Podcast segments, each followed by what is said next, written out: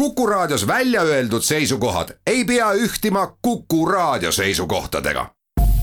Te kuulate Kuku Raadiot.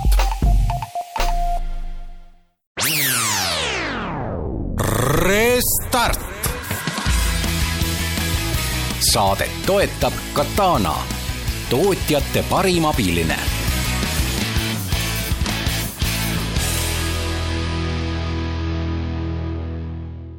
head Restardi kuulajad, on laupäev ning äh, Taavi Kotka, Henrik Roonemaa on jälle stuudios ning äh, täna on äh, meil külas Eesti IT-minister Andres Sutt ja meil on teine külaline ka, kelleks on Sten Tamkivi ja meil on täna selline teema, et kuigi Eestis müllab Covid ja selge on see, et selle teema lahendamise peale peab minema peamine tähelepanu siis äh, mõtlesime, et äkki oleks aeg vaadata korraga kaugemale ja mõtleme selle aja peale, mis on siis pärast Covidit või ütleme niimoodi, et äh, kui on Covid juba lahjem, ehk siis majandus üle lahti. et äh, kuidas me saaksime jälle selle Eesti mõttemalli ja Eesti mõtteviisi lahti, et äh viimasel, ma ütleks isegi mitte nagu aastal, vaid juba mitme aasta jooksul on avalik sektor olnud suhteliselt ikkagi kinnine. me kogu aeg räägime sellest, miks asju teha ei saa Eh, kui me vaatame, kas on üldse sündinud mingeid suuremaid initsiatiive, millest meie majandus kasu lõikaks, siis on sihuke nagu noh, väga pingutades üht-teist võib-olla leiab. sealsamas minevikus noh, meil on kuulsusrikas e-riik, meil on tehtud äh, väga häid startup'i programme. Fund of funds tuli väga hästi välja, optsiooniprogrammid tegelikult ütleme niimoodi, me võime alati öelda, et optsioone saaks veel paremini teha, aga. aga vähemalt mingi periood meil oli vaata, et üks paremaid skeeme üldse maailmas, ehk siis Eestis on tehtud asju ja tuleks edasi teha asju. aga kuidagi nagu mõtteviis on kinni ja sellepärast olemegi kutsunud külla ettevõtlusministri ja loomulikult ühe Eesti avatuma mõtleja Steni et äh, natuke arutada, et äh, mismoodi me siit kännu tagant üldse minema saame või ma ei tea, annangi Sten sulle üle, et, et kas sina näed nagu probleemi või mis probleemi sina näed täna selles, et kui sa mõtled seda, mis maailmas toimub. kuidas maailm tormkiirusel areneb, eriti veel Covidi tingimustes ja kuidas meie, kes me oleme alati olnud nagu väga võimsad arenejad, nüüd tuleme kuidagi nagu veits nagu, nagu upakil või, või, või kuidagi oma mõttemallis kinni. ma arvan, et meil on suurepärane võimalus kasutada seda tunnikest äh, optimismiks et ma ei näe probleeme, ma näen neid võimalusi. ja, ja need kõige suuremas plaanis see võimalus, mida me teeme asutajate seltsis äh, ettevõtjatega, kes Eestis teevad tehnoloogiafirmasid, on see, et me oleme vaadanud, mis tulemusi me viimastel aastatel teinud oleme ja mis tulemusi me suudame teha edasi. ja, ja laias laastus paistab pilt selline, et kui miski ei takista, siis Eesti eksportiv tehnoloogiatööstus võiks olla kümne aasta pärast kolmandik meie majandusest meil on reaalselt käeulatuses see, see piir äh, või unistus, mis meil on üheksakümnendatest nii-öelda nii, nii erasektori kui ka poliitikute mõttes ja suudel olnud, et teadmistepõhine majandus. Me juba teeme seda otsast, see kasvab kiiresti. kui meil oleks kolmandik majandusest oleks tehnoloogiatööstusest, siis sellega tekiks tööd ja leiba väga paljudel Eesti inimestel, kes teevad teistsuguseid töid. et mulle tundub, et see masinavärk on kõik nagu käima minemas ja küsimus on lihtsalt selles, et kuidas me selle ära teeme ühest küljest see tähendab, et võiks olla võimalikult vähe riigipoolseid takistusi ja eest äratulekut bürokraatlikult. aga ma arvan, et on ka kohti, kus riik saab äh, mingites kohtades hoogu juurde lükata ja võib-olla kõige huvitavam teema või mida, mida mina loodaks äh, täna siin, et me jõuame arutada, on just see, et kuidas Eesti avada maailmale. Äh, see tähendab siis selleks, et targad inimesed tuleksid Eestisse, Eesti firmadesse tööle et targad inimesed tuleksid siia oma firmasid asutama, et targad investorid investeeriksid Eesti firmadesse. ja kõige selle juures veel ka see, et see ei pea alati tähendama nagu füüsilist liikumist, vaid kuidas, kuidas Eesti saaks olla virtuaalselt see koht, kus äh, e-residentsuse muu infrastruktuuri peale neid asju saab kaugelt teha Eh, härra Sutt, te olite ikkagi eh, mõnda aega saite opositsioonis ka olla ja opositsioonis olek kindlasti annab seda poolt juurde, et on võimalik vaadata ka teemasid kriitilisema pilguga kui koalitsioonis olles et äh, ma lihtsalt küsiks korra, enne kui me hakkame rääkima lahendustest, et. Äh, et kui ikkagi te olete nagu olnud Eesti Pangas tööl ja, ja väga hea nii-öelda ökonomist ja nii edasi, et, et äh, kuidas ikkagi. Kuidas nagu kõrvalt nagu paistab, et kas me oleme siis kinni või ei ole kinni või on, on, on meil kõik hästi või vajaks ikka mingi asi parandamist, parandamist? ei no kindlasti vajab parandamist, et, et kuidas me muidu edasi liigume, et äh, rahulolu sellega, mis on saavutatud, on minu silmis tagasiminek. et äh, selleks, et äh, edasi minna, peab ikkagi eesmärke, eesmärke seadma ja. ja, ja kui ma noh, ma olen Steni selle sihukese kokkuvõttega hästi nõus. et et noh, minu soov ja ka valitsuse soov on tegelikult tuua Eesti maailmakaardile tagasi. ja, ja ma arvan, noh, mida ma siit olen nüüd selles kahe kuu jooksul, mis ma ministriametis olen olnud et ma olen saanud, ma arvan, päris palju targemaks sellest, kuidas Eesti majandus toimub, et ma olen kohtunud, ma arvan, enam kui kahekümne erialaliiduga mis on läbilõige kogu Eesti majandusest äh, ja seal on väga ägedaid ettevõtteid. Äh, teistpidi on seal ka vanakooli ettevõtteid, äh, noh, mis peegeldabki, ma arvan, seda punkti kus Eesti majandus täna on, et, et noh, ma enda jaoks ka isikliku kogemuse põhjalt kõrvutan tänast punkti ajas sellega, kus me olime aastal tuhat üheksasada üheksakümmend kaks. kui tehti rahareform, mille juures mul oli ka au olla teine samaväärne teelahe oli äh, kaks tuhat neli, kui meist sai Euroopa Liidu äh, liige. ja noh, täna me oleme nüüd siis sellest Euroopa Liidu liikmes, liikmeks saamisest, eks ole, noh seitseteist aastat edasi ja, ja arvestades noh, siin Covidist oli ka natukene juttu, et, et Covid tegelikult Äh, vähemalt mina jagan äh, nende inimeste seisukohta, kes ütlevad, et Covid iseenesest uusi trende ei tekitanud. küll ta andis tohutu kiirenduse äh, sellele samale noh, nagu digitaliseerimisele. noh, seesama kaugtöö on minu arust nagu sihuke käega katsutav selge näide, et, et, et kui palju ja kui lihtsalt tegelikult noh, asjad muutuvad, millega kaasnevad muidugi omad, omad väljakutsed ja probleemid inimeste juhtimise ja kõige muuga ja, äh, ja mida ma nagu tunnen, et, et kus me peame kindlasti olema tagasi üheksakümnendates või kahe tuhandendate esimeses kümnendis meil peab olema, tulema see mõtteviisi muutus, noh täpselt see, mida Taavi, sa vist ka ütlesid, et, et kuidas asju saab teha, mitte miks neid ei saa teha, üks. ja kaks, me peame saama tagasi riskijulguse. et, et kui me need kaks asja suudame ära teha, noh siis mina ütlen, et äh, mägesid ees ei ole või noh, need, mis on, et sealt ronime üle nii, aga mõtlengi, et äh, see loetelu oli selles mõttes väga hea nendest mineviku sündmustest, et öeldi või on olnud avalikus sektoris oli tükk aega seisukoht, et äh, pärast NATO-ga ühenemist ja, ja euro tulekut äh, said avalikul sektoril eesmärgid otsa. ehk siis, kui muidu oli nagu väga selge püüdlus, noh a la peame saama Euroopa Liidu liikmeks, selleks olid vaja täita mingid kriteeriumid, oli vaja hüpata üle mingitest latidest, pugeda läbi mingitest takistustest, tegime ära. tegime nii hästi ära, et äh, Läti ja Leedu, kes tegelikult ei hüpanud üle lattide, et nad said sisse nii-öelda pool muidu, sellepärast et Eestil ei olnud võimalik enam ei öelda. et noh, kõik oli olemas et euroga nad suht said öelda ei, aga, aga, aga Euroopa Liiduga ei saanud, eks. ja pärast seda, kui nii-öelda selged riiklikud eesmärgid said otsa, et no kuhu me veel siis püüdleme, noh G7-sse natuke jääb puudu, on ju, veel ei saa, on ju. et, äh, et kõik muu on tehtud, kusjuures noh, näiteks äh, minu jaoks oli väga kummaline, isegi OECD-s istusid lätakad ja leedukad üldiselt seina ääres, sel ajal kui Eesti istus ümber laua, eks on ju, et. et kõik on nagu saavutatud ja, ja, ja tekibki nagu tulemus, et nagu avalik sektor nagu olekski valmis, et noh, et meil tegelikult on probleem selles, et ma võib-olla viikski see vestluse korra nagu Sten sinu poole, et see visioon, et, et nii-öelda äh, äh, selline tehnoloogiamajandus on kolmandik Eesti ettevõtlusest. kui me täna liidame masinaehituse, IT ja startup'id, siis see juba ongi kolmandik aga kui me, ma arvan, et sa mõtlesid seda, et ilma masinaehituseta, et me oleksime selle, suudaksime seda kolmandikku saavutada. et, et, et sellisel juhul ikkagi, et kuidas me tõlgime seda, et nüüd see, mida asutajad tahavad teha, mis on väga selge, väga ilus äh, nagu verstapost. see vajab kokkuvõttes ju äh, top-down management'i nüüd, ehk siis selles mõttes meil on vaja hariduses teha reform ära, meil on vaja saada rohkem insenere, meil on vaja saada rohkem selliseid inimesi, kes vajavad, keda seda asutajate nii-öelda, seda asutajad vajavad meil on vaja nagu paremaid optsiooniprogramme, meil on vaja mingit immigratsioonipoliitikat ja nii edasi. et see kõik on nagu selles mõttes erinevate ministeeriumite haldusalas ja kuidas sa nüüd siis nagu püstitad seda eesmärki selliselt, millest kõik aru saavad. Euroopa Liiduga oli lihtne, noh, oleme sees või ei ole sees, saame sisse või ei saa, on ju, aga, aga kuidas sa nüüd tõlgendad, tõlgid selle, selle, mida te olete väga hästi sõnastanud ja mina, mina ettevõtjana saan väga hästi aru, mida tähendab olla kolmandik majandusest, on ju. et kuidas me tõlgime selle nüüd avalikul sektoril arusaadavaks äh, eesmärgiks üldse? Andres, sul on äh, äkki, äkki sul on juba see eesmärk sõnastatud? Vaata minu jaoks on see küsimus ambitsiooniseadest ja,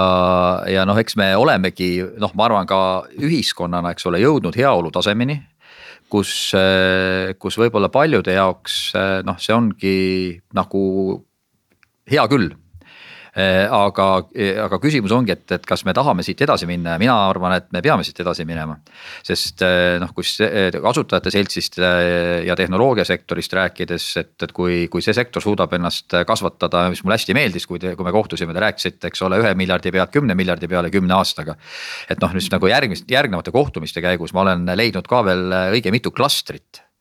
kes tegelikult on ka võimelised oma äri miljardites kasvatama ja, ja noh, näiteks äh, kui me räägime äh, Ida-Virumaast, räägime noh, nagu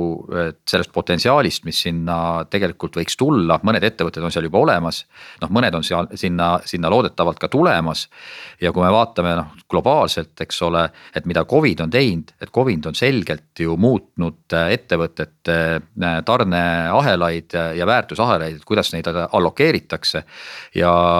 ja noh, ütleme poliitika, mis mulle endale tegelikult äh, liiga ei meeldi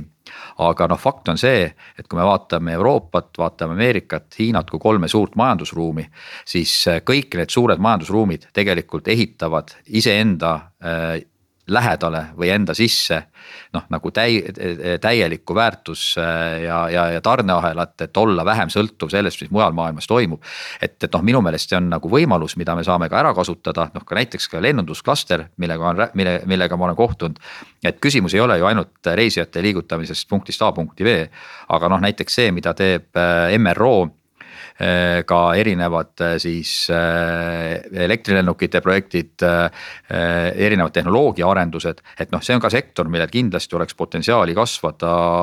mitme miljardi käibega, noh kaasa arvatud, kui tuua näiteks Airbus mingisugune tükk Airbusi siis tegemisest Eestisse. Ja ma ikka ühe kommentaari lihtsalt veel ütlen, et, et mis näiteks ka tööstusesindajate poolt väga tugevalt kõlas, et, et me oleme pannud sildi allhange ja see on noh, negatiivselt stigmatiseerinud kogu äh, seda nii-öelda tööstusprotsessi. aga noh, ei ole ühtegi tarneahelat või, või, või väärtusahelat, et kus, mis oleks võimalik globaalselt tekitada ainult Eestis. ehk et oluline on see, et, et kus meie ettevõtted selles äh, äh, tarne ja väärtusahelas paiknevad ja ilma, eks ole, seal paiknemata ei ole võimalik teha ka innovatsiooni. Sten. vot see on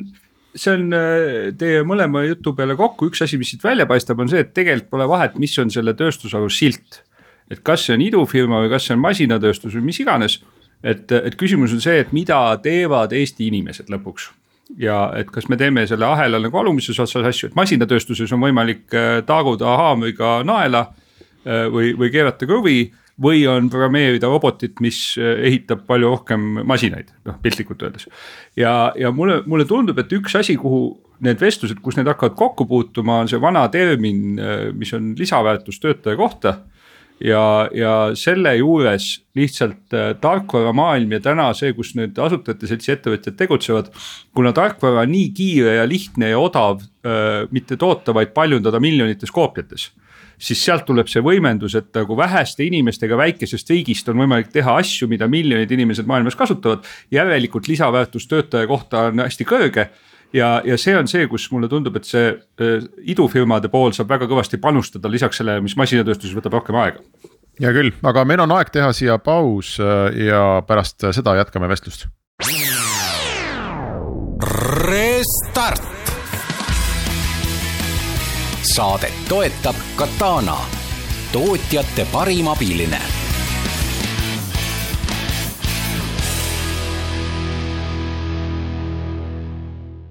Restart jätkub ja täna on Taavi Kotka, Henrik Roonemaa külaliseks äh, minister Andres Sutt ja ettevõtja Sten Tamkivi no ühesõnaga, me oleme aru saanud esimese ploki järgselt, Eesti tulevik on helge. küsimus ainult selles, et äh, kuidas me valime välja selle nii-öelda äh, õige ja, ja selge on see, et ei saa olla ühte õiget, vaid on kindlasti neid palju erinevaid sektoreid, millele panustama peab. ja kokkuvõttes äh, kindlasti ka need noh, ma, mis ma ütlen, keskmine ajupotentsiaal ei ole selline, et me saaksime nagu vaadata ainult ühte majandusharu, vaid peabki olema nii-öelda päris lai pind selle koha pealt. aga lähme ikkagi siit kuidagi natukene konkreetsemaks, et äh, ma tahaks just lahata seda kohta, et äh, kui me nagu räägime sellest, et oi, et meil on selge visioon, siis see kõlab ju hästi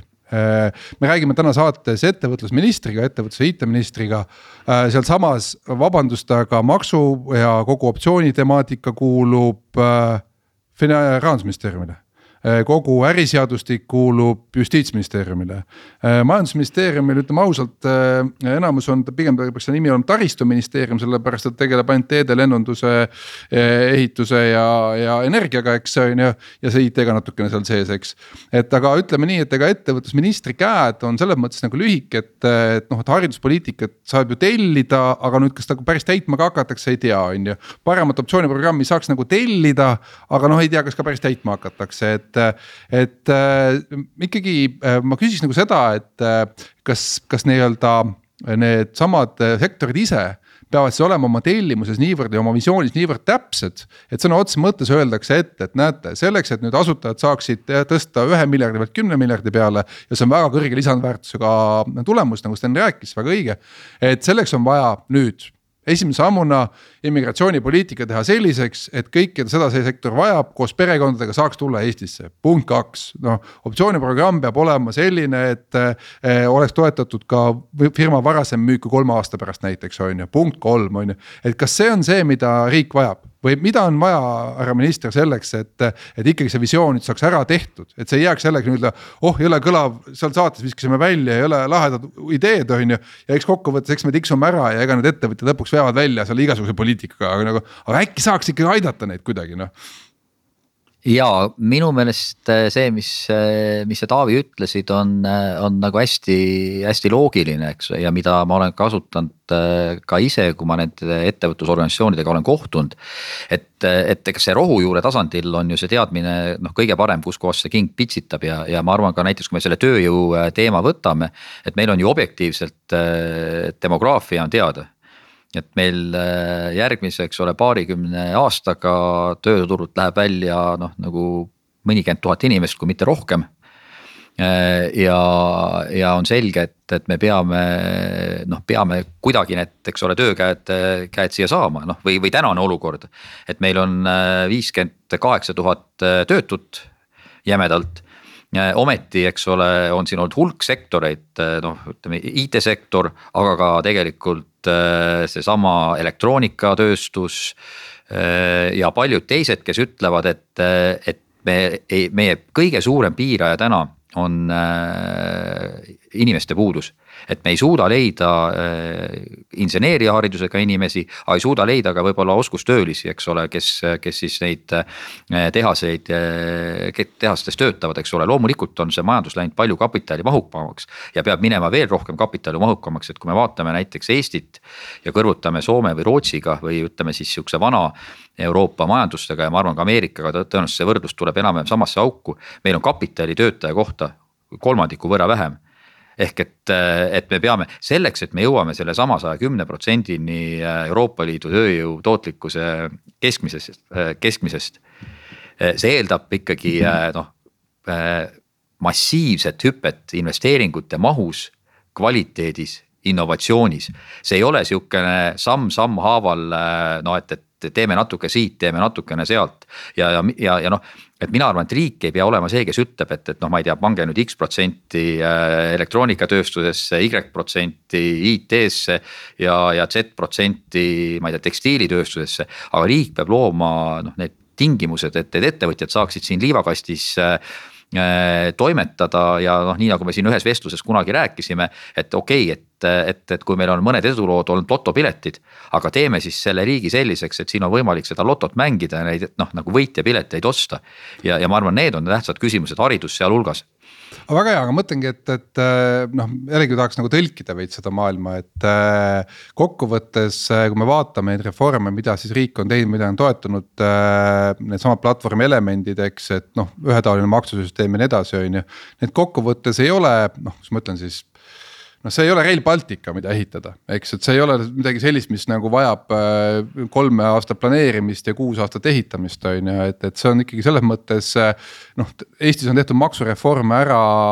noh, öö, ööpäevaga on ju, et noh, käibemaksu tõsteti näiteks on ju, või. või ma ei tea e, e-residentsus tehti ära kaheksa kuuga on ju, et noh, et kui tahta, et siis suudavad need ministeeriumi osapooled tegelikult väga hästi koos toimetada. aga jällegi kuidagi on vaja seda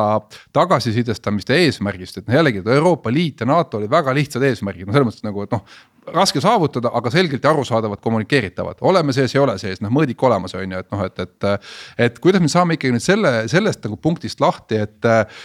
me ühelt poolt ütleme, et eh, me tahame olla nagu innovatiivne, uus majandus ja nii edasi. uus majandus näiteks on eh, krüptoteemad, erinevad selles mõttes, selles mõttes erinevad platvormid selles teemas, erinevad valdkonnad. sealsamas tuleb välja meil Raabi analüüs, mis, mille, mille sisu on umbes selline, et teate sõbrad paneme kogu selle krüptomaailma kinni, sellepärast et me ei suuda seda kontrollida, eks, et äh,. noh, ühesõnaga ühelt poolt nagu tahaks innovatsiooni, teiselt poolt nagu äh, ei näe, et noh et, et seda innovatsiooni saaks toetada, eks, et äh, kuidas me ikkagi saame nagu selle julguse nüüd kätte, seesama, mis ta ministri, minister ka ütles selle koha pealt, et, et äh, kui me näeme probleemi, et ei oleks nii, et ma ei tea, miljardeid kantiv Aserbaidžaani kunn on ju, on täpselt samasugune inimene meie finantssüsteemi jaoks näiteks nagu ma ei tea viisteist tuhat eurot ülekandev insener, kes kasutab e-residentsust on ju, et noh, et, et, et, et, et ma ei tea, Sten, on sul mõtteid? mulle tundub, et see kõik esimese asjana on see koos, moodustub sõnumitest, mida Eesti enda kohta maailma saadab ja piltlikult öeldes on meil iga teema kohta välja võimalik mõelda jah-sõnumid ja ei-sõnumid. ja, ja mulle tundub, et eriti viimasel paaril aastal on ei-sõnumid äh, väga selgelt domineerinud, et kui sa võtad noh, seesama krüpto näide, mis sa tõid. et kui guugeldada, mis on Eesti krüpto, Eesti ja krüptokeskkonna äh, kohta esimesed Google'i vasted, siis kaks tuhat seitseteist, kaheksateist olid need väga optimistlikud, positiivsed, tulge meie juurde, meil on avatud digitaalne majandus, tulge eksperimenteerige täna põhiliselt räägitakse sellest, keda pandi kinni, keda visati välja, kes tegi paha ja, ja selle juures on minu arust hästi oluline, ettevõtjana mulle võttis see nagu aastaid aega riigiga suheldes, et aru saada, et tegelikult on väga toredad ja targad inimesed, on nad siis finantsinspektsioonis või rahapesu andmebüroos või. või siseministeeriumis või kaitsepolitseis, kelle ülesanne on hoida Eesti turvalise ja, ja ohutu keskkonna, kus elada. ja see, et ei öelda, ei ole mitte halb, vaid see on nende töö ja nad teevad oma tööd väga hästi küsimus on see, et mulle tundub, et meil on tasakaaluks need jah-sõnumid ära kadunud pildist ja, ja selle koha pealt viimased kaks aastat on olnud nagu eriti tugev vaakum äh, ja, ja minu arust selle jah-sõnumid, et öelda hästi selgelt välja, mis majandust me Eestis tahame ehitada, kes siia on väga oodatud. ja, ja minu arust võiks need vast-, need jah-sõnumid minna nagu palju väiksemaks ja konkreetsemaks. kui sul on doktorikraad ja sa oskad programmeerida, siis sa Eestis leiad tasuva töö. ükskõik, mis pass sul on näiteks, kui sul on äh, krüptoettevõte mis äh, on litsenseeritud, äh, teenindab miljonit klienti ja sa oled kaasanud kolmkümmend miljonit riskikapitali, mitte mingit küsimust, palun tule, on ju. et, et hakata ütlema, kes on oodatud ja siis võib-olla need, kes on pahad äh, või pahade kavatsustega hakkavad ennast juba välja filtreerima, et okei okay,, see mind ju ei puuduta. Selles mõttes ma räägin ühe loo, ma olin koos Leedu panga esindajaga Bloombergi üritusel Londonis paar aastat tagasi, kolm aastat tagasi laval ja mul sõna otseses mõttes äh, äh, ila tilkus, kui võib nii öelda, et äh, kuidas Leedu panga inimene rääkis väga selgelt, millist klienti nad tahavad endale ehk siis, et äh, mis tüüpi valdkondad on keskendunud, kelle jaoks nad nii-öelda teevad oma tööd ja kelle jaoks nad fokusseerivad ja seal olid niisugused õiged märksõnad äh, kõik krüptoga ja, ja, ja digitaliseerimisega ja nii edasi, ma mõtlen, et vaatasin, issand jumal, milline valgustatud pangatöötaja on ju, et. Äh, või riiklik pangatöötaja, et saaks endale sihukese on ju. ehk siis, et, et võib-olla küsimus siit minister Sutile, et, et seesama Steni seda, seda ideed nagu edasi arendades. et kuidas me ikkagi saame endale sellised akvaariumid, ehk siis, et kuidas me saame näiteks FI ja RA Raabi ja maja, eh, rahandusministeeriumi ja Jummi mõtlema sellisel viisil, et. et enam eh, me nii-öelda universaalsed seadusloome ja universaalsed reeglid ei toimi tänases agiilses maailmas. et me peame, kui me võtame ikkagi riske, me peame katsetama, siis me peame tegema niimoodi, et me sõna otseses mõttes defineerime uue akvaariumi. ütleme, et näete jah, nagu Sten ütles, et, et me ei taha siia eh, neid krüptoplatvorme, kes nagu tegelevad pettusega, selle suhtes nulltolerants, paneme kohe kõik kinni, kui vähegi nagu midagi avastame, on ju ja nii edasi, eks. aga juhul, kui kui sul on selline äri, mis vastab sellistele kriteeriumitele ja mille mahud jäävad noh, kas ma ütlen siis alla valuläve on ju, mitte nagu rahapesu sada, sada kuuskümmend miljardit on ju. et siis võid tulla ja siis tule tee ja siis me vaatleme ja kui sa hästi toimetad, siis laseme sind suurde mängu ka, eks. et, et kas see võiks olla, Andres Sutt, see lahendus? noh, ma arvan, et et üldiselt see hoiak, eks ole, et kuidas saab äh, ja mis tingimustel saab, äh, on äh, noh, on meil hädavajalik, et, et, et siia noh, ütleme siis innovaatilist kapitali meelitada, ükskõik, kas see on krüptovaldkonnas või on mingis muus valdkonnas, et, et, et noh, ma noh, kui ma seda pangandustausta oman, eks ole, et, et see pendel on liikunud ju noh, ütleme täiesti teise äärde, eks ole, et noh, omal ajal oli regulatsioon, mis oli suhteliselt liberaalne. mitte ainult, eks ole, noh siis selles rahapesu temaatikas, vaid, vaid tegelikult ka laenu andmises ja, ja paljus muus, eks ole, noh siis tuli finantskriis maksumaksjad pidid palju raha uputama, eks ole, pankade päästmiseks, noh pendel lükati täiega teise äärde ja noh, ma vaatan. kui ma vaatan täna noh ja, ja mõtlen tagasi, eks ole, üheksakümnendad või seesama, eks ole, kaks tuhat esimene kümnend. et siis pangad pakkusid küll noh, traditsioonilist laenu aga noh, tänase maailma mõttes see laenu äh, siis ütleme pankade riskiisu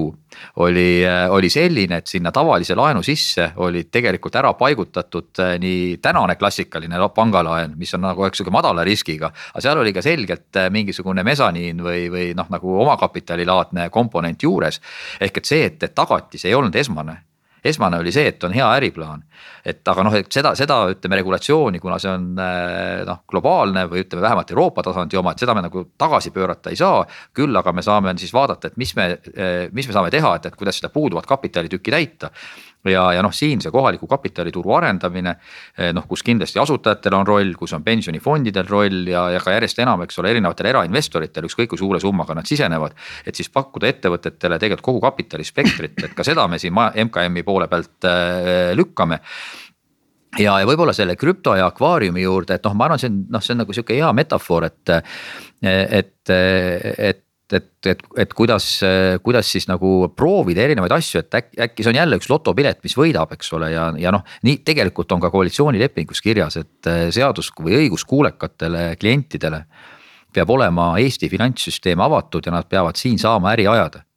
noh, et siis sealt edasi tuleb see küsimus, eks ole, mis on see õiguskuulekas, aga noh, ma arvan, see noh, on igas riigis, eks ole, et. ja, ja noh, ilmselt on vaja siin ka leida see noh, tasakaalupunkt pankade vahel, et, et noh, kui ma olen rääkinud ka eh, pangajuhtidega et noh, lõpuks on ka neil ju isiklik äh, karjäär äh, mängus et kui, kui leitakse, et nad on kuskilt äh, mingisuguse rahapesu sätte vastu eksinud. noh, et siis see tõenäosus, et ta võib-olla ei ole enam, eks ole, fit and proper. noh, tõmbabki talle erialasele, erialasele karjäärile kriipsu peale ja inimlikult ma saan tast täiesti aru, ta ütlebki, aga ma seda riski ei võta ja siin on nüüd see läbirääkimiste ja arutelu koht riigi ja, ja finantssektori vahel. ja ma arvan, ka krüpto võib sinna vabalt äh, juurde panna ja, ja ka muud, eks ole, finants äh, äh,. innovatsiooni teemad, et, et kuidas me saame luua sellise keskkonna, et, äh, et, et noh, nagu finantstööstus saab võtta mõistlikke riske või vähemalt arusaadavaid riske, et need riskid on mõõdetavad. ja, ja noh, teistpidi, et, et siis noh, nagu riigi poolt ei, ei, ei karistata alati selle eest, et kui sul mingi väike kala kuskilt läbi ujub noh, kui me tahame ka väiksed kalad just selle võrgusilma nii pisikeseks teha, et, et sealt keegi läbi ei uju. noh, siis me peame panema pangad kinni aga noh, ma arvan, seda keegi, seda keegi ei soovi, et, et noh, ma arvan, see krüpto on võib-olla selles mõttes sihuke hea näide, et ta noh, et ta tekitab sihukese võib-olla allergilise vastureaktsiooni, eks ole, et, et noh, mis, mis krüpto. aga noh, et kui me suudame krüpto võtmes mingi akvaariumi välja mõelda, noh siis tõenäoliselt me suudame neid akvaariumi teha ka igasuguste teiste jaoks, et katsetada ühesõnaga ootus on see, et äh, sama Raab või Feed võiks tulla ka näiteks omapoolsete ettepanekutega välja, et mitte ainult öelda seda, et seda või teist ei tohi, on ju. või nagu Sten ütles, et, äh, et ole hea mees ja defineeri ära siis, et mis on koššer et me võiksime anda nagu sõna otseses mõttes indulgentsi mingile sektorile või näiteks ma ei tea, pangandusele, mis iganes, näete, et.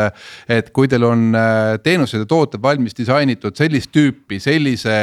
ma ei tea, käive mitte rohkem kui äh, viissada tuhat eurot aastas, raha välja mitte rohkem kui kakskümmend tuhat eurot kuus on ju, mis, mida iganes, on ju. et kui on sihuke väga rangete piirangutele vastav klient, kes on nõus ikkagi teenuseid tarbima ja sellest ka nagu tasusid maksma, on ju. jumala eest, nende puhul me ei kahtlusta rahapesu, et nende puhul piisab, kui sul on näiteks, ma ei tea, pangas äh, Salvi poolt disainitud äh, automaatne mingi reilikontroll, millesse siis nii-öelda kinni, kinni see nii-öelda klient võib ujuda et äh, me räägime sellistest asjadest, me räägime mingist sellistest, sellistest.... absoluutselt, et ja ma arvan, et, et mida rohkem me suudame siis minna niimoodi automatiseeritud äh, ja targale tehisintellekti põhisele noh, nagu siis andmete analüüsile et, et seda paremini suudavad ka tegelikult pangad ja, ja seda paremini suudab Raab, seda paremini suudavad kõik teised, eks ole ju, ju püüda kinni neid, kes tahavad seda süsteemi kuritarvitada, aga noh. aga ma arvan, et me jõuame sealt ka nagu selle laiema teemani ka meie enda, eks ole et, et noh, mida me riigis näiteks esitame statistikaametile või kellelegi noh, nagu teisele riigiasutusele, eks ole, kas me esitame aruandeid või me esitame andmeid ja seal on noh, te teate minust paremini, eks ole, et, et seal on nagu tohutu vahe ja, ja kui näiteks äh, seesama äh, reaalaja majandus, mille kohta meil on ka siin äh, uuring tehtud, et, et kui riigiasutustes kasutatakse või suhtluses riigiasutustega kasutatakse e-arveid noh, üle üheksakümne protsendi. siis erasektor omavahel teeb kolm, nelikümmend protsenti ja, ja noh, kui siis on raamatupidaja, kes ma ei tea, üks loob kõigepealt PDF-i, siis saadab selle emailiga teisele raamatupidajale, siis see pannakse kuidagi käsitsi jälle kuhugi sisse, eks ole. et noh, et see on nagu tohutu kulu, et ma arvan, meil on ka siukseid väikseid hügieeni asju, mida me, me tegelikult saame noh, nagu ühiskonnas tervikuna, tervikuna ära teha ja kuulge, ma segan korra teie vestlusele vahele, meil on tegelikult aeg teha paus, aga, aga siis me oleme tagasi. Restart saadet toetab Katana, tootjate parim abiline.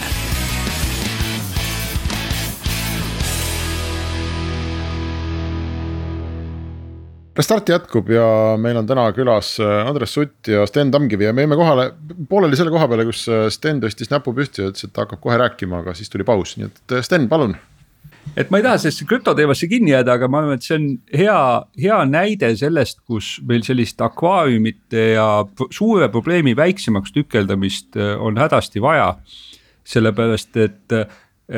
sõnavõtud tasemel kas, kas me lubame või ei luba, kas on lubatud või on keelatud äh, tasemel krüpto tegelikult iga tehnoloogi jaoks on täielik absurd et see on nagu natuke nagu see, et aastal üheksakümmend seitse riik ütleks, et nüüd on veebilehed edaspidi, ei ole siin Eestis soositud. seepärast, et mõnel veebilehel on halbu asju et noh, veebileht, kui on nagu alustehnoloogia, see on mingisugune tehnoloogia põlvkonna vahetus, et kas asju ehitatakse tsentraliseeritult või detsentraliseeritult. et jätkem need asjad nagu tehnoloogile otsustada ja innoveerida ja, ja selle jaoks, innovatsiooni jaoks ongi vaja teha neid äh, akvaariume, kus, kus sees katsetades, et piltlikult öeldes, kui heeringute sekka satub haigala, siis me näeme läbi akvaariumi klaasi, et see haigala seal on. me saame kas vee välja lasta või selle hai sealt välja püüda või mida iganes teha, ilma et see ülejäänud majandust õhku laseks. Ja, ja selle, selle nagu laiemas mõttes mulle tundub, et, et see on iga ettevõtte ehitamisel, kui kahtled, siis tuleb minna tagasi alusväärtuste juurde. Ja, ja tegelikult, et, et kui me sõnastame ära või ütleme, et meil on Eesti majandus on selline koht, kus asjad toimuvad digitaalselt, nad toimuvad bürokraatia vabalt ja kiiresti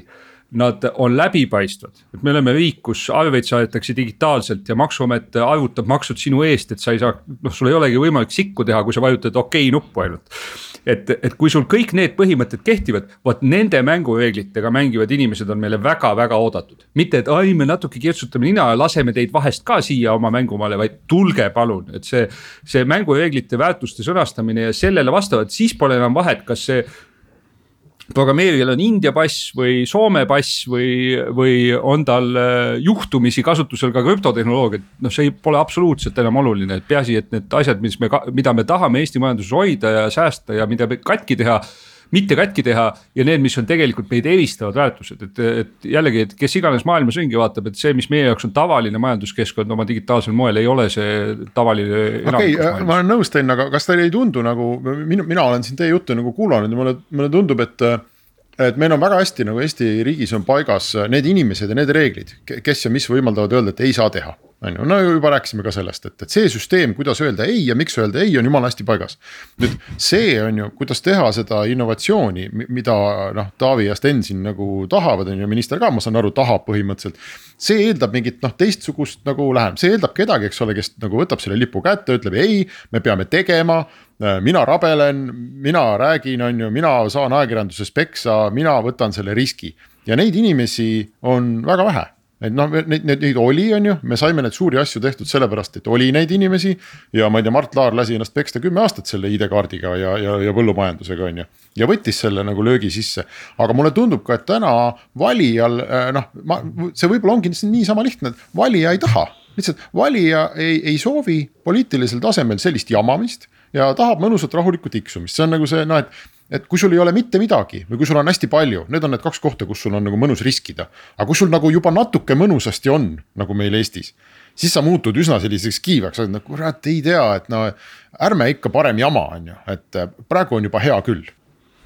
aga ma arvan, et see. Andres sulle jaa, ei, mina olen selle lipu kätte võtnud ja, ja, ja selles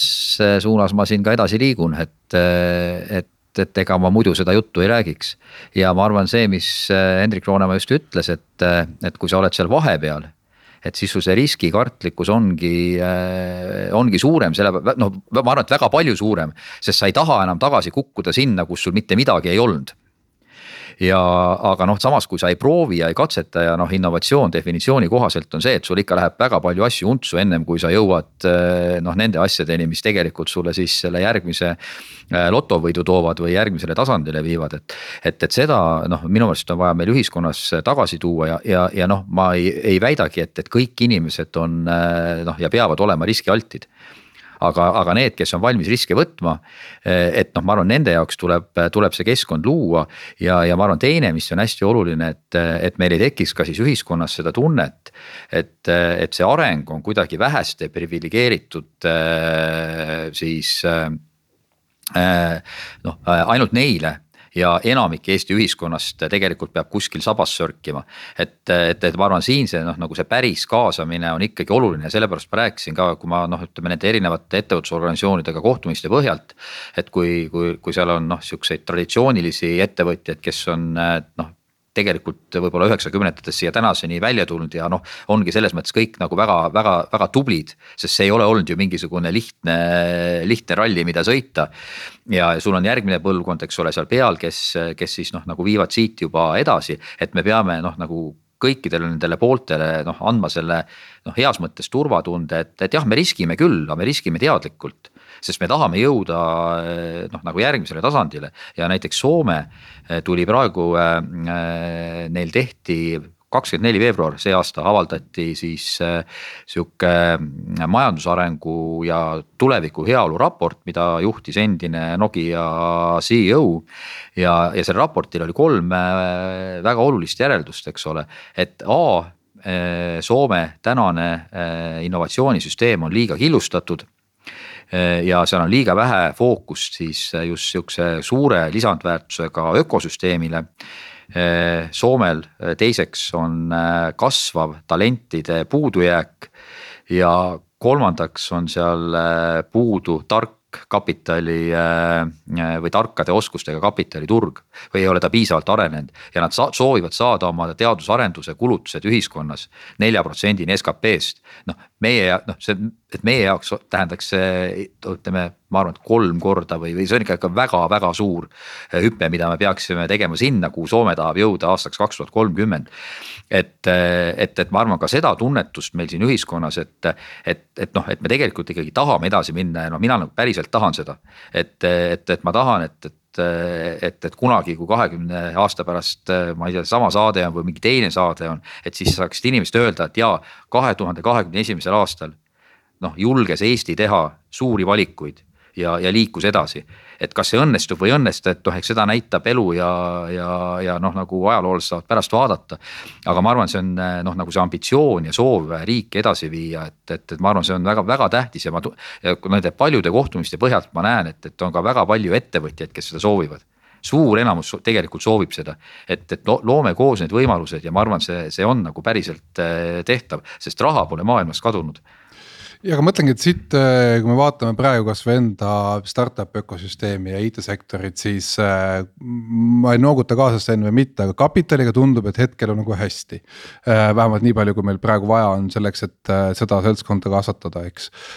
teadmuse eeskujudega on super hästi noh, Eesti on ikkagi äh, startup'id, unicorn'id per capita selgelt nagu kas Iisraeli ja USA järel kolmas praegu umbes, et äh, maailma mõist-, mõistes ka, eks, et äh,. ja tuleb nagu Vändrast saelaudu, eks, ehk siis see nii-öelda ökosüsteem iseenesest nagu toimib. ja nüüd ongi küsimus nagu selles, et et see nagu nii-öelda täiendav ängel, mis annab meile boost'i, mis annab meile mingit edu, noh, ma ei tea, toome mingi näite. kui Starship oma robotid pani tänavatele, siis Eesti oli üks esimesi, kes aitas ära teha selle seadusandluse, et kõnniteel tohib sõita robot et noh, et a la, et oli võimalik rääkida majandusministeeriumiga nagu kommunist kommunistiga. Nad ei olnud vist päris esimesed, ei olnud Eesti, aga ütleme nii, et Euroopas kindlasti, et noh, üks esimesi on ju. Äh, hetkel äh, USA-s äh, lööb laineid, oli see Wyomingis, mille paned sassi, on ju. uus mõiste DAO ehk siis äh, detsentraliseeritud äh, iseseisvad organisatsioonid. Äh, mis põhimõtteliselt nagu on sama asi, mida meil juba siin on tehtud, ehk siis meil on läbipaistev äriregister ettevõtetes, kes tahavad toimetada läbi, läbipaistvalt. ja nad tahavad teha konkurentsi Delaware'ile. ehk siis see on sama asi, mida me oleme siin nii-öelda põhimõtteliselt e-residentsusega püüdnud aastast kaks tuhat neliteist saavutada ja me oleme kogu aeg rääkinud seda juttu, et. et Eesti kunagi ei saa super suureks e-residentsusega, sellepärast et me oleme liiga lihtne tappa, on ju, et kui meil liiga hästi hakkab minema. aga noh, katsu saada USA tappa, on ju USA-l hakkab varsti minema, on ju, ja kui USA ikkagi jälle leiutab mingi asja, mille pärast nagu startup idel on kavalam minna või ma ei tea, läbipaistvatel ettevõtetel on kavalam minna sinna jurisdiktsiooni eks nad siis lähevad lõpuks ja noh, ole siis mees ja püüa neid kinni sealt ja, ja katsu neid tagasi tuua ja siis läheb jälle see jutt lahti, et. oi küll, et miks nad kõik kolivad ära siit, on ju, et noh, et, et, et kuidagi selles mõttes äh, mul ikkagi tunne, et, et me et seda ei ole väga palju seda nii-öelda noh, tuge vaja sealt riigi poolt, aga just seesama, et, et, et need väiksed sammud selle koha pealt hakkaks sellest pihta, et me ütleme ära, et näed. et näed, see väike valdkond või see kitsas ahel siin, see on meile okei okay ja me jälgime ja me teeme kohe algusest peale disaini, nagu me tegime e-residentsusega disaini. et juhul, kui sinna sisse, sisse satuvad ainult haiglad, kes ainult tõhuvad ja laamendavad, on ju. siis me paneme programmi kinni, nii, sellega läks nüüd halvasti. võtame järgmise idee, on ju, proovime järgmist akvaariumi, eks. täpselt sama asja nagu immigratsioonipoliitikaga, ehk siis minu meelest nagu. ma ei ole küll kuulnud, Sten võib-olla paranda mind, et äh, vaata IT ja startup'id olid koodi alt väljas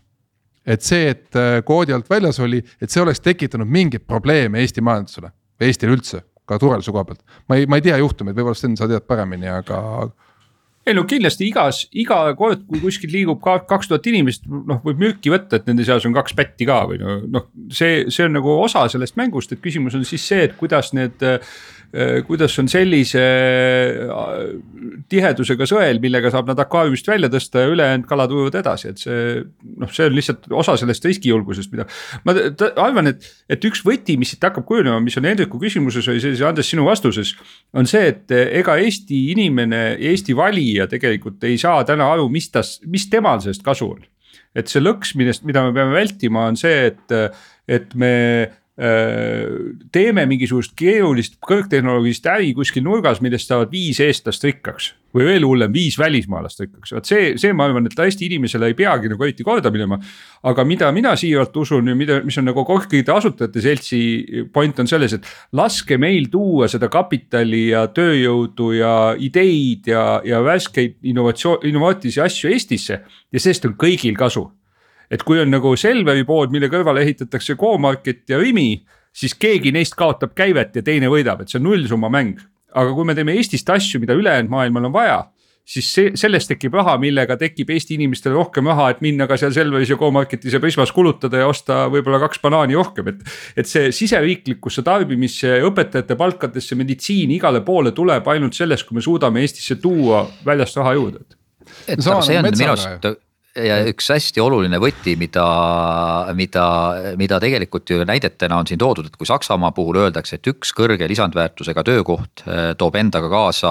noh, neli äh, töökohta sinnasamasse ökosüsteemi, eks ole. või siis, äh, või siis, eks ole, USA puhul see näide, näitaja vist oli isegi kõrgem sinna viie ja kuue vahele. et noh, kui me suudame Eestis tekitada olukorra, kus meil üks kõrge lisandväärtusega töökoht loob täiendavalt kolm töökohta. et siis me ju tegelikult noh, teenussektorid et äh, noh, kõik need äh, elemendid või osad ühiskonnas saavad tegelikult sellest äh, kasu ja noh, et me peame siia noh, kapitali sisse tooma ja noh, et lihtne näide on see, et, et kui skp kasvab ühe miljardi võrra siis noh, riigi maksutulud no hästi jämedalt on kolmsada kolmkümmend, kolmsada nelikümmend, kolmsada viiskümmend miljonit äh, eurot juurde. et me peaksime keskenduma sellele, et kuidas me saame neid miljardeid sinna SKP-sse juurde, mitte sellele, kuidas äh, seda olemasolevat SKP-d veel rohkem omavahel ümber jagada me, me peame saate nagu kokku tõmbama hakkama, aga ma selles mõttes võib-olla noh, tahakski siis võib-olla veel kord sõnastada seda, et. et selle asemel, et äh, äh, hakata rääkima, et haigekassa vajab sada seitsekümmend miljonit juurde, et kehtestame uue maksu et äh, me peaksime saama ikkagi selle masinavärgi teistpidi tööle, et kui meil on täna erinevad sektorid, on see siis startup'id, on see masinaehitajad, on need mööblitöösturid. kui nüüd see sektor ütleb, et kuulge et äh, aidake meil teha nüüd oma nii-öelda väikeste seadusmuudatustega või immigratsioonipoliitika muudatustega need, need liigutused ära ja me lubame teile, et me toome teile kaks miljardit SKP-d juurde, on ju siis äh, pumpsti meil on kõvasti rohkem seda raha kui sinna sada seitsekümmend milli, et noh, et, et ühesõnaga. katsuks kuidagi saada nagu nendest lihtsatest lahendustest, et oi, et paneme ainult maksu juurde, on ju, et katsuks nendest lahendustest saada nagu sinna. et äh, ikkagi, et äkki noh, kui me teeme selle või teise regulatsiooni muudatuse, et siis tuleb see nii-öelda täiendav raha iseenesest. kusjuures veel kord, see ei ole üldse nii keeruline, et sa teed täna muudatuse ja tulemus tuleb kümne aasta pärast, et äh, maailm on muutunud ikka nii agiilseks, et noh, tänast muudatust näed juba ma ei tea, poole aasta pärast näed juba, juba bottom line'is kui ma olin noor ettevõtja ja müüsin oma esimese ettevõtte, ma olin siis juba auväärselt kakskümmend aastat vana umbes. siis eh, selle firma juht, kes selle ostis, ütles mulle, vaata Sten, ära kunagi karda suuri väljaminekuid, karda väikesi sissetulekuid. jah, ma arvan, et selle mõttega võiksime lõpetada ja soovime edu härra ministrile, et äh, ta suudaks ka teised ministeeriumid äh, ja ametnikud panna akvaariumite võtmes mõtlema ja. ja looma neid äh, ökosüsteeme selliselt, et innovatsioon saaks areneda aitäh kutsumast ja teeme koos Eesti ägedamaks. Restart. saadet toetab Katana, tootjate parim abiline